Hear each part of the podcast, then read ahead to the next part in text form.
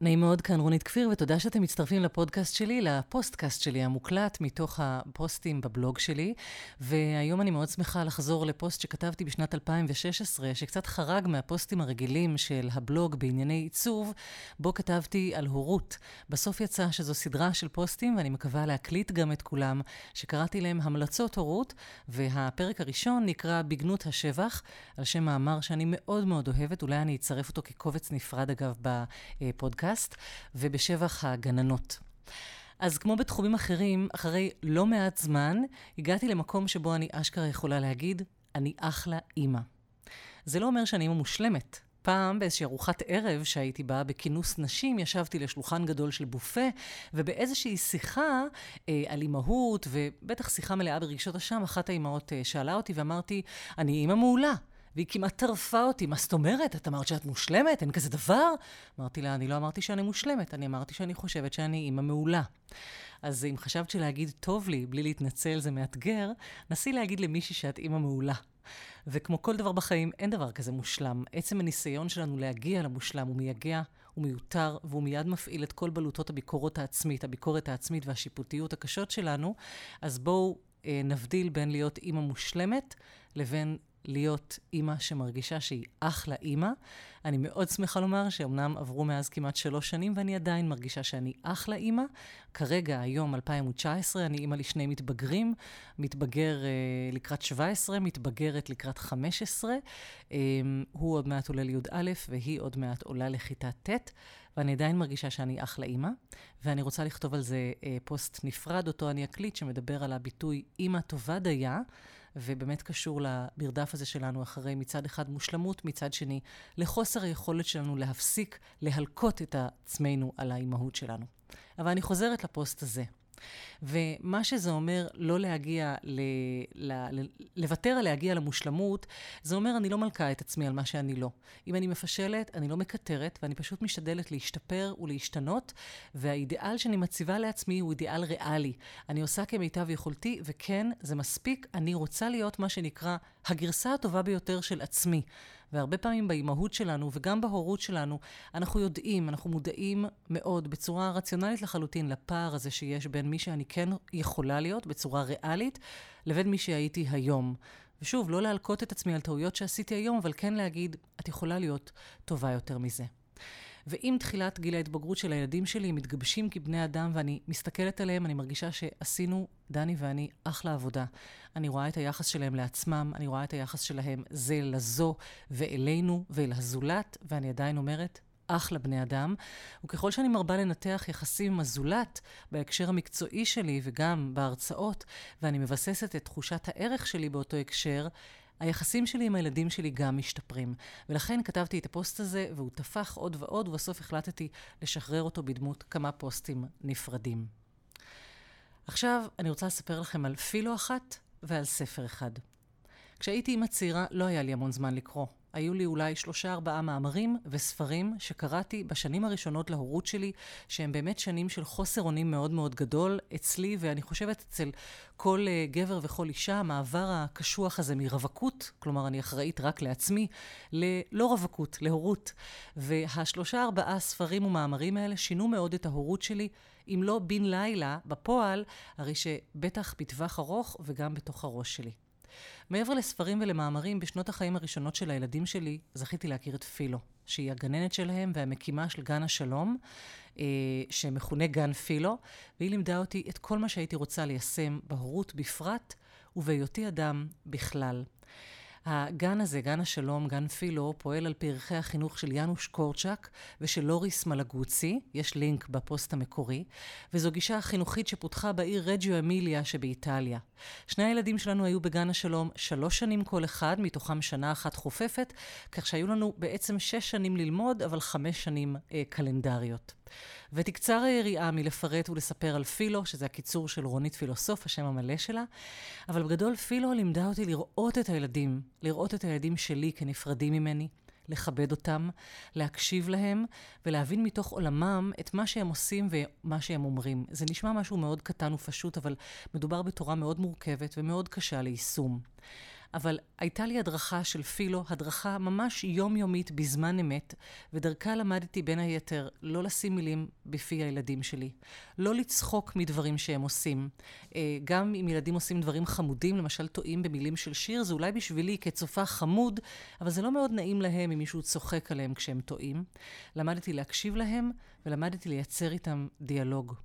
והכיף הגדול שבלהיות בגן עם שני ילדים וחמש שנים בחפיפה מלאה, היה לראות את פילו באינטראקציות שלה עם הילדים ועם ההורים שלהם כל יום, שנה אחרי שנה.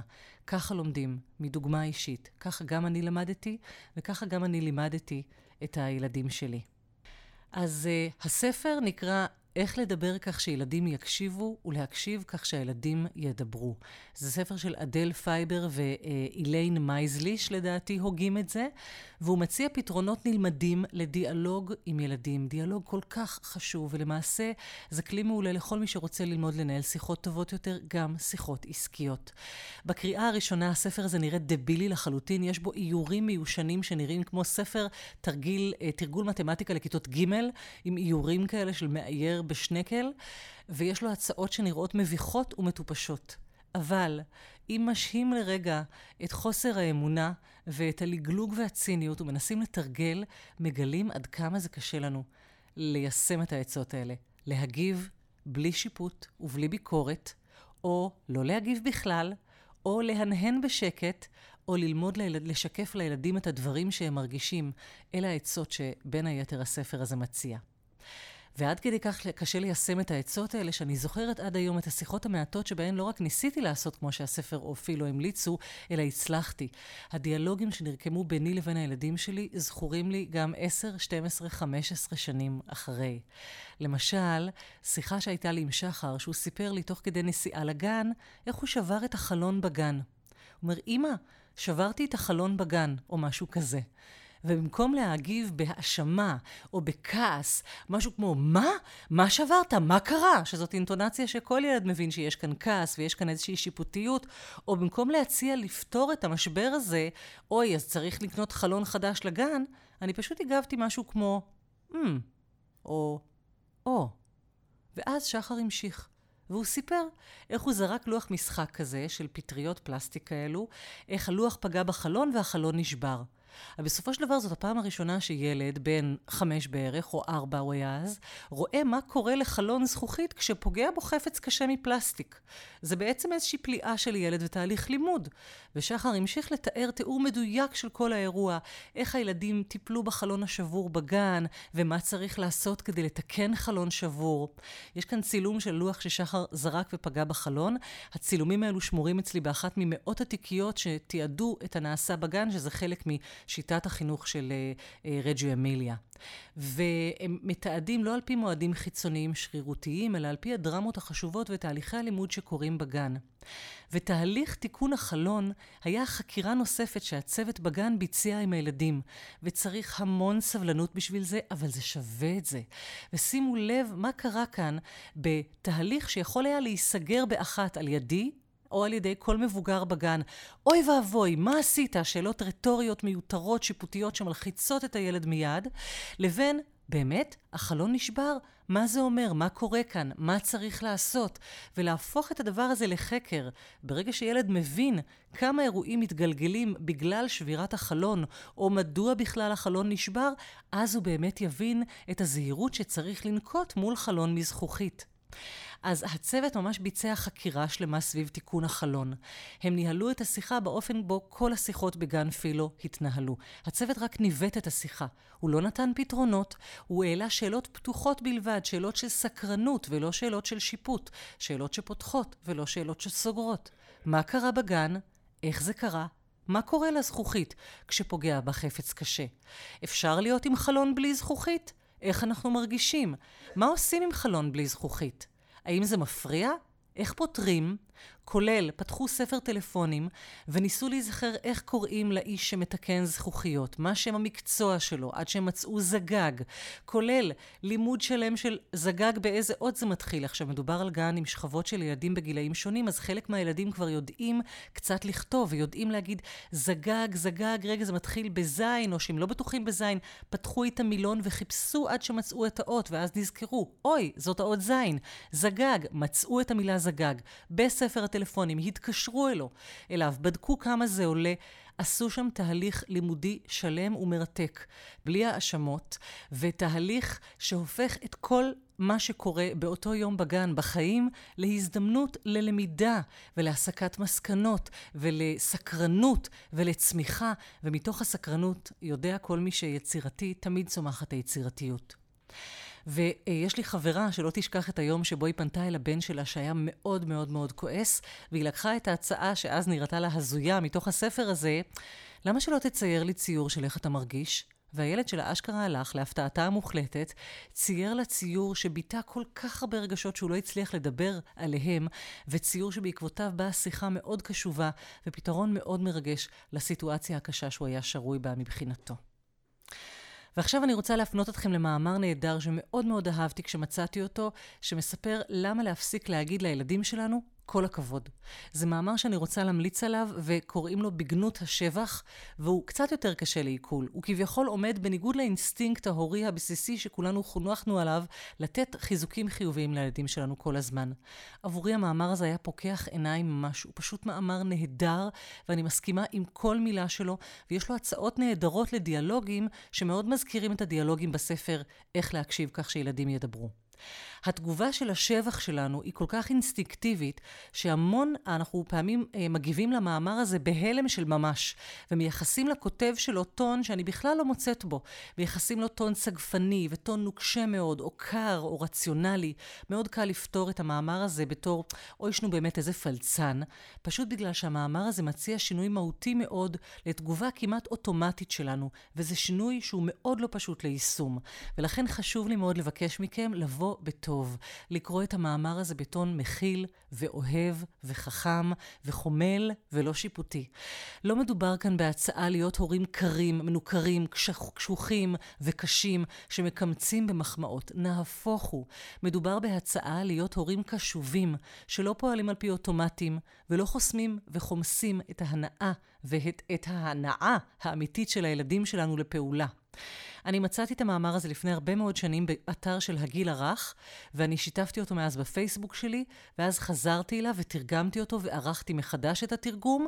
אני חייבת לומר שגם פניתי אל הכותב שלו, ולצערי לא זכיתי לתשובה אה, ולהרשאה לתרגם אותו, אבל קשה לי להאמין שהוא יתנגד לתרגום ולשיתוף שלו, ואני מציגה אותו בפוסט בבלוג שלי בצורת קובץ PDF, וכאן אני אצרף אותו בתור קובץ נפרד בפוסט שלי.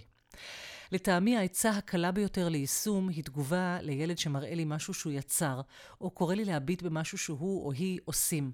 במקום להגיד איזה יופי, או כל הכבוד, תנסו להגיב לגופו של עניין. לרוב, התשובה הראשונה של הילד זה הלם, פשוט הלם. למשל, ילד מראה לך ציור, ואת אומרת לו, איזה יופי. ואליי באים ילדים של חברים שלי ומראים לי ציור או משהו שהם עשו, ואני לא אומרת להם כל הכבוד או איזה יופי, אני אומרת להם משהו כמו, וואו, איזה קו דק וישר עשית כאן. ממש הגעת עם הקו על הקצה של הנייר. או וואו, איך נתת אה, אורך שווה בדיוק לשתי הרגליים בציור? או כן, נחתת בדיוק על שתי הרגליים והצלחת לא ליפול. כלומר, במקום האיזה יופי האוטומטי, אתם פתאום נותנים תגובה שאומרת, ממש הסתכלתי עלייך, ממש הבטתי בציור שלך, אני שמה לב. הילד יהיה בשוק. אני רוצה להזהיר אתכם מראש, ילדים שאתם מגיבים אליהם ככה, אתם קונים אותם for life. הם פשוט ילכו אחריכם ורק ידברו, ויש לי כל כך הרבה חברות וחברים ששומעים את זה עכשיו, והילדים שלהם פשוט מטורפים עליי, רק בזכות תגובה אחת שחרגה מהאוטומט. כי גם הילדים, אפילו בגיל צעיר, כל כך התרגלו כבר לקבל את ה"איזה יופי, וואו, כל הכבוד הזה", שפתאום כשמבוגר עונה להם בתשובה לא גנרית, הם פשוט בהלם. אז ראו הוזהרתם. ושוב, את החוכמה שבספרים האלו אני הצלחתי ליישם אולי על הילדים שלי, אולי חמישה אחוז מהזמן. על ילדים של אחרים זה הרבה יותר קל לי. יכול להיות שגם לכם יהיה יותר קל להתחיל לתרגל את זה על ילדים של אחרים שמפעילים אותנו רגשית קצת פחות. לקח לי שנים להפנים את הרעיונות ואת העקרונות שעכשיו, אילו היה לי עוד ילד, או אולי מתישהו נכד, יהיה לי הרבה יותר קל ליישם. אז uh, אני מציעה לכם לנסות ליישם את זה על ילדים של אחרים, ואז בהדרגה על הילדים שלכם. ואני אומרת לכם, תנסו את זה, זה פועל ככה, מיד. המצחיק הוא שבסוף אני גם גיליתי שזה בהחלט קשור ללקוחות ולעבודה מול לקוחות. בהרצאות שלי אני מעודדת תגובות ענייניות ללקוחות על פני תגובות שמגיעות מהאוטומטים הרגשיים שלנו, כמו עלבון או כעס. וכשאני אצליח ליישם דיאלוג כזה עם הלקוחות שלי, דיאלוג שלוקח על עצמי את האחריות ומגלה אמפתיה לצד השני ומגיב בצורה עניינית לצרכים של הלקוח ולא בצורת אוטומט רגשי, אז אנחנו נגלה שקל לנו הרבה יותר ליישם את זה עם הילדים. ולמרות שאני מפנה כאן אה, לסגנון כתיבה שהוא מפותל, ולפעמים קשה להבין מה בדיוק היא אומרת, עינת נתן, יש כאן מאמר מאוד יפה שלה, שלמה אין לנו את הפריבילגיה להיעלב מהילדים שלנו. מאז שכתבתי את הפוסט הזה, היא כבר הוציאה כמובן את הספר של החיים שלי, והוא בעצם מין אגד כזה של הרבה מאוד מאמרים שלה, אז אתם יכולים או לקרוא את הספר או לקרוא את המאמר, והנה לכם עוד המלצת קריאה ממני.